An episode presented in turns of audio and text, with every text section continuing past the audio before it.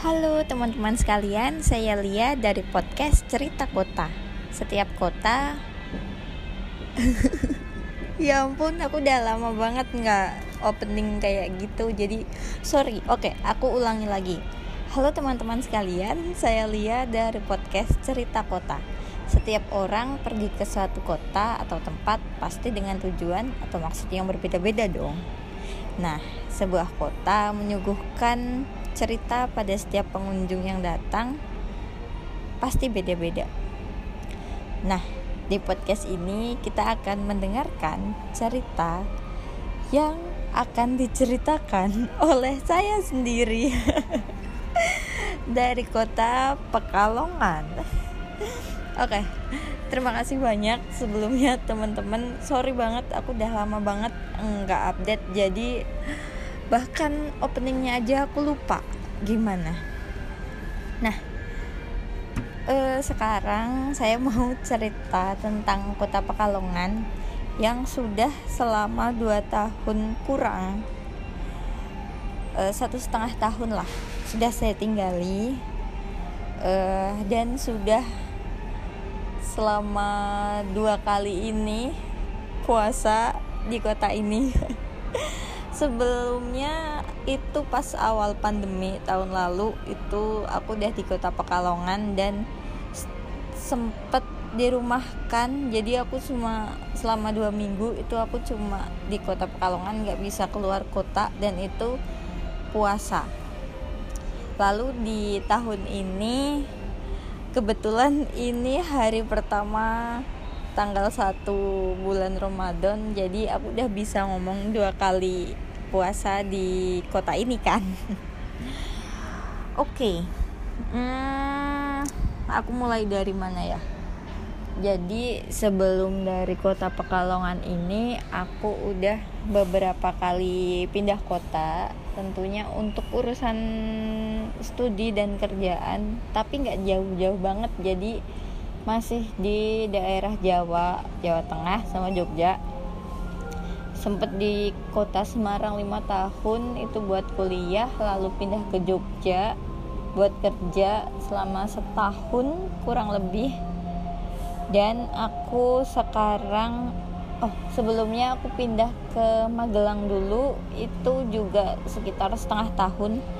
Dan sekarang aku udah satu setengah tahun ada di kota Pekalongan. Jadi dari pindah-pindah itu mungkin sekitar 3 atau 4 tahun aku udah ada di 1 2 3 4 4 kota.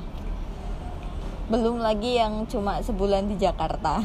Tapi itu nggak usah dihitung karena itu cuma apa sih dari hotel kerja hotel kerja gitu. Jadi aku nggak punya pengalaman apa pun. Begitu. Oke, aku karena sendiri biasanya berdua, jadi mungkin agak apa ya? Bingung harus cerita dari mana? Nah um, langsung aja lah ya aku ceritain duka di kota Pekalongan. Kenapa duka dulu? Karena aku ingin berakhir dengan suka yaitu bahagia. Aku suka cerita-cerita happy ending. Oke okay. yang pertama di kota Pekalongan ini yang udah hampir satu setengah tahun bukan hampir ya udah hampir dua tahun harusnya gitu ya. Yang sudah satu setengah tahun aku tinggali. Duka pertama yang paling um, aku rasakan adalah aku belum cocok sama makanannya. Jadi di kota ini itu aku cuma punya beberapa menu andalan selain itu aku lebih milih buat masak sendiri daripada beli. Yang pertama itu menu andalanku cuma eh, nasi pecel lele gitu. Ada di Jalan Urip Sumoharjo dekat Transmart. Di pinggir jalan itu sambelnya sih enak banget.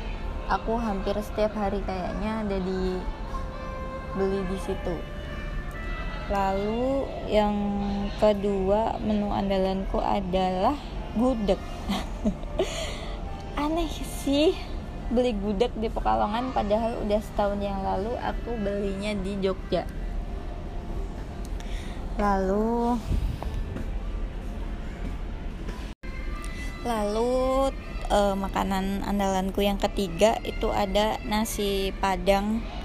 Itu di deket Transmart juga um, sebenarnya si nasi padang sama pecel lele ini cuma uh, berseberangan tapi dua-duanya itu enak. Ya paling kalau tergantung budget ya aku akan makan di mana karena si pecel lele itu harganya setengah dari si nasi padang itu. Si nasi padang itu ada menu yang paling aku suka tentu saja the one and only rendang. Aku nggak heran sih kenapa rendang bisa jadi uh, makanan paling enak di dunia. Karena aku juga setuju aku juga akan vote untuk rendang. Hidup rendang.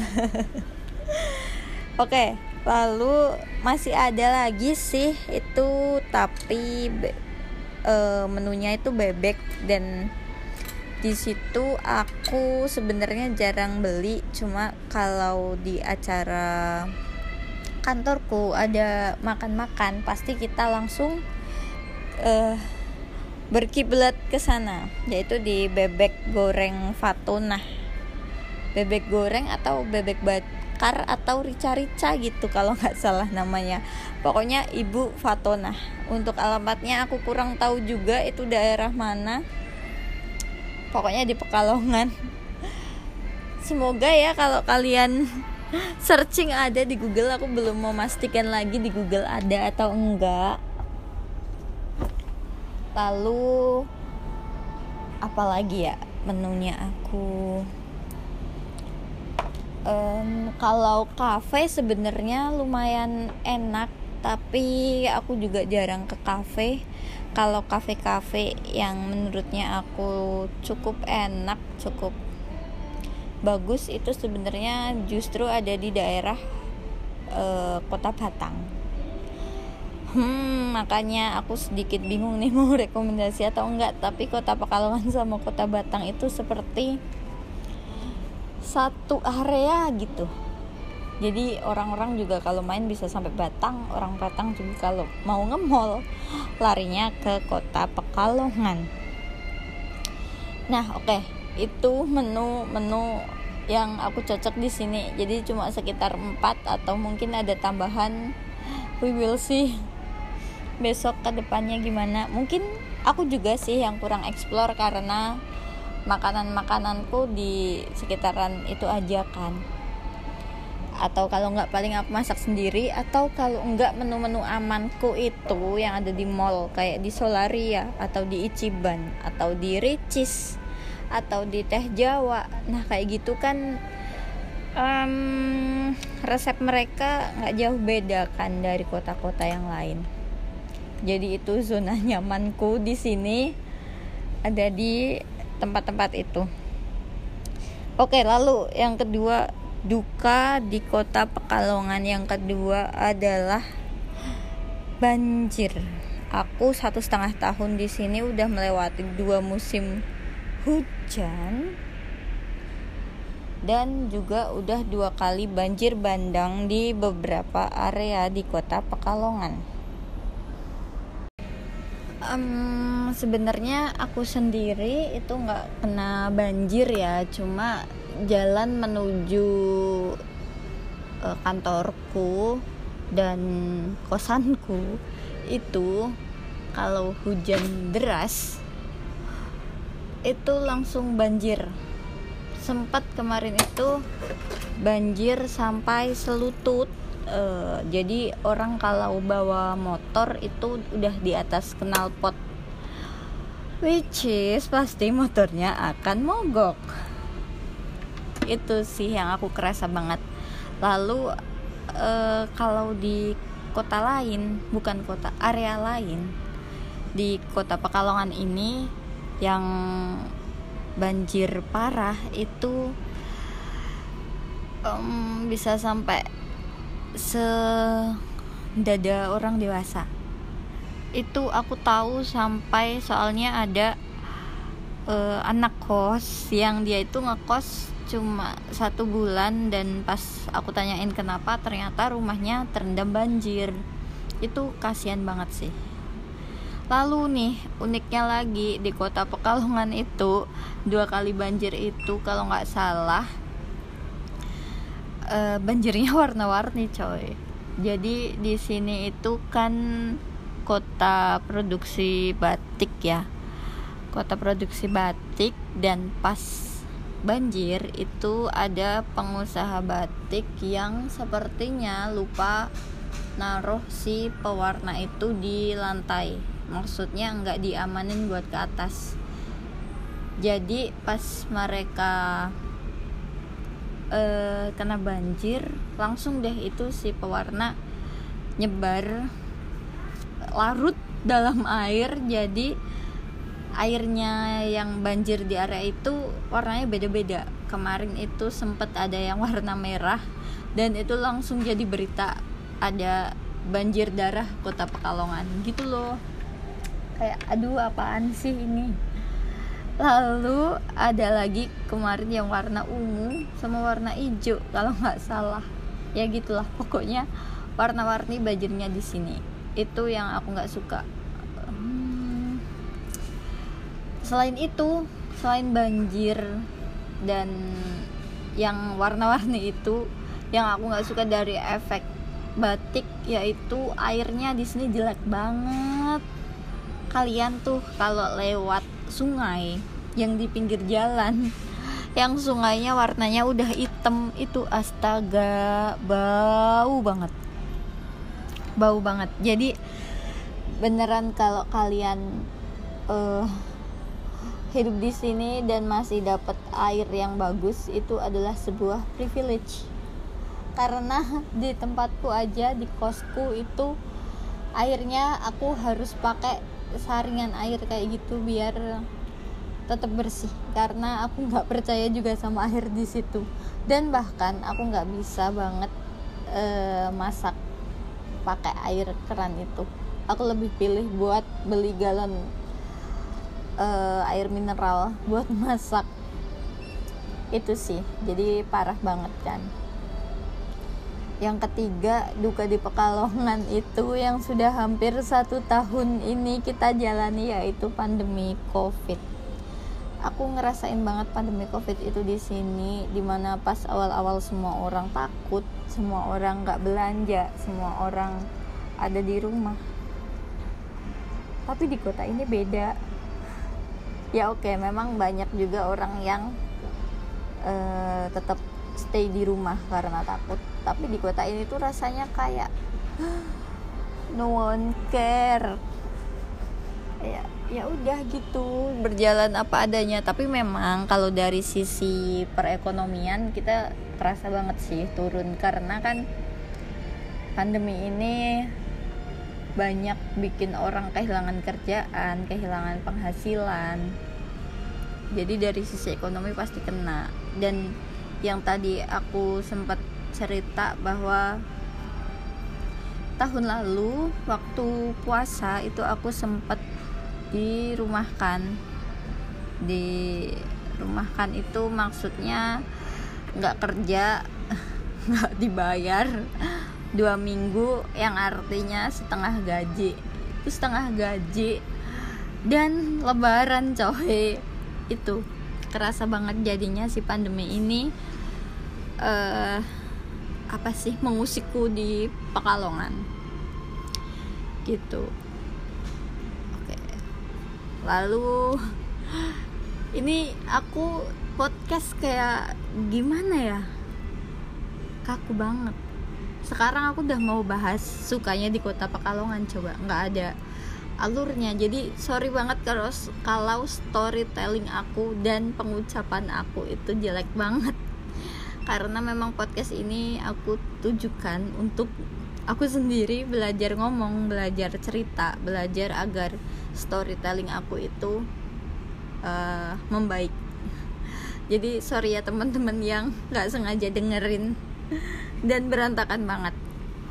Gitu. Oke, sekarang kita masuk di sukanya berada di kota Pekalongan. Yang pasti aku di kota Pekalongan ini bertemu dengan orang-orang baik. Bukan Paris ya tapi memang dari kota-kota sebelumnya kota Jogja yang um, identik dengan ramah. Tentu saja kota Jogja ramah itu tapi uh, lebih banyak pendatangnya yang unggah-ungguhnya itu beda sama orang Jogja asli oke kota Jogja itu ramah sekali tapi yang aku temui mostly bukan asli orang Jogja jadi kesannya tetap berbeda.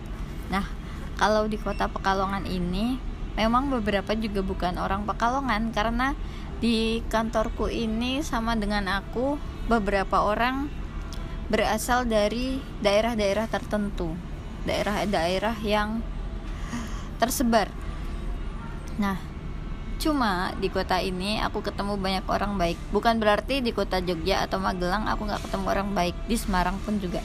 Tapi di kota Pekalongan ini lebih apa ya cocok aja mungkin. Lebih fit untuk aku. Kalau dibanding kota Pekalongan eh kalau dibanding sorry. Kalau dibandingin kota Pekalongan sama kota Semarang di kota Semarang itu orangnya santai tapi ngomongnya lebih kasar. Lebih apa sih? Atos kalau bahasa Jawanya lebih keras gitu loh orangnya tuh. Kalau di kota Pekalongan eh kalau di kota Jogja itu alus-alus banget orangnya. Cuman memang banyak sekali pendatang di sana yang kayak hmm, nggak hmm, bisa di apa ya nggak bisa dijadiin satu gitu buat menilainya itu gitu. Kalau kota Pekalongan ini beda aku di sini banyak banget ketemu orang Pekalongan meskipun beberapa beberapa ada satu dua dari kota lain cuma aku cukup banyak ketemu sama orang Pekalongan.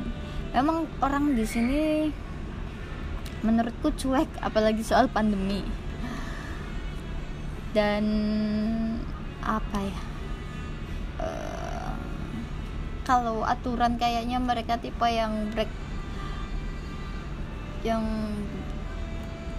uh, suka membangkang atau enggak aku nggak tahu sih nggak bisa menyimpulkan gitu juga. Um, kalau kasar nggak lebih kasar dari Semarang pasti. Cuma kalau dari dibandingin Jogja juga nggak seramah Jogja. Cuma orang di sini itu baik-baik. Atau mungkin circle-nya aku aja yang baik. Ya kita nggak tahu ya. Bad luck good luck who knows? Ya ampun. Tapi memang kesimpulan di sini itu aku bertemu banyak banget sama orang baik di kota Pekalongan. Nah um, itu sih yang paling aku syukuri banget dari pindahnya aku di sini. Selain itu kan juga deket dari rumah. Mungkin itu juga yang bikin aku uh, fit cocok dengan orang-orang kota Pekalongan. Tapi memang beberapa sih ada orang yang nggak cocok juga itu memang wang sinawang kalau kata kalau bahasa Jawanya. Gitu. Oke selanjutnya nih selanjutnya. Uh, bisa dikatakan hidden game bisa enggak tapi ini hal-hal unik yang aku temui di sini. Uh, bocoran aja nih buat para pengusaha. Di sini itu di kota Pekalongan itu banyak sekali OKB aku nggak tahu sih sebenarnya mereka OKB atau enggak. Tapi dari penilaianku memang mereka itu bukan tipe yang kayak apa ya tahu tahu bedanya nggak sih orang kayak dari kecil sama enggak? Gitu. Lalu menurutku di sini itu banyak sekali orang yang kayak karena usaha dia gitu loh kayak di usia matang mereka. Itu bagus kan? Berarti mereka jadi jadi orang jadi orang sukses gitu. Nah itu bocoran buat para pengusaha karena cocok banget buat buka usaha di sini. Sebenarnya orang Pekalongan sendiri sih udah sangat melek sama usaha sih. Cuma yang aku tangkap di kota ini selama satu setengah tahun ini orang-orang itu um, konsumtif. Jadi di sini itu usaha sekecil apa bukan sekecil apa ya asalkan niat sih sebenarnya itu ada aja yang beli. Kayak lebih apa ya mungkin kumun.